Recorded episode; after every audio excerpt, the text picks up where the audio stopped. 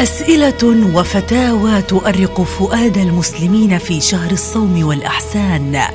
أجاب عنها أهل العلم والشريعة لتدخل على فؤادهم اليقين والاطمئنان. وبين الجواز والنهي والمكروه والمستحب سنقدم لكم قطوفا من الفتاوى الدينية في برنامجكم الرمضاني فتاوى رمضانية. مع فضيلة الشيخ ياسين أبو خصوان إذا طهرت الحائض واغتسلت بعد صلاة الفجر وأكملت صوم يومها فهل يجب عليها قضاؤه؟ أجاب على هذا السؤال فضيلة الشيخ لؤي الشربجي بالآتي. الحمد لله والصلاة والسلام على رسول الله وبعد. إذا طهرت الحائض قبل الفجر فيجب عليها الصوم ولا يؤثر اغتسالها بعد الفجر على حكم صومها. أما إذا طهرت بعد الفجر فصومها باطل وعليها القضاء والله أعلم.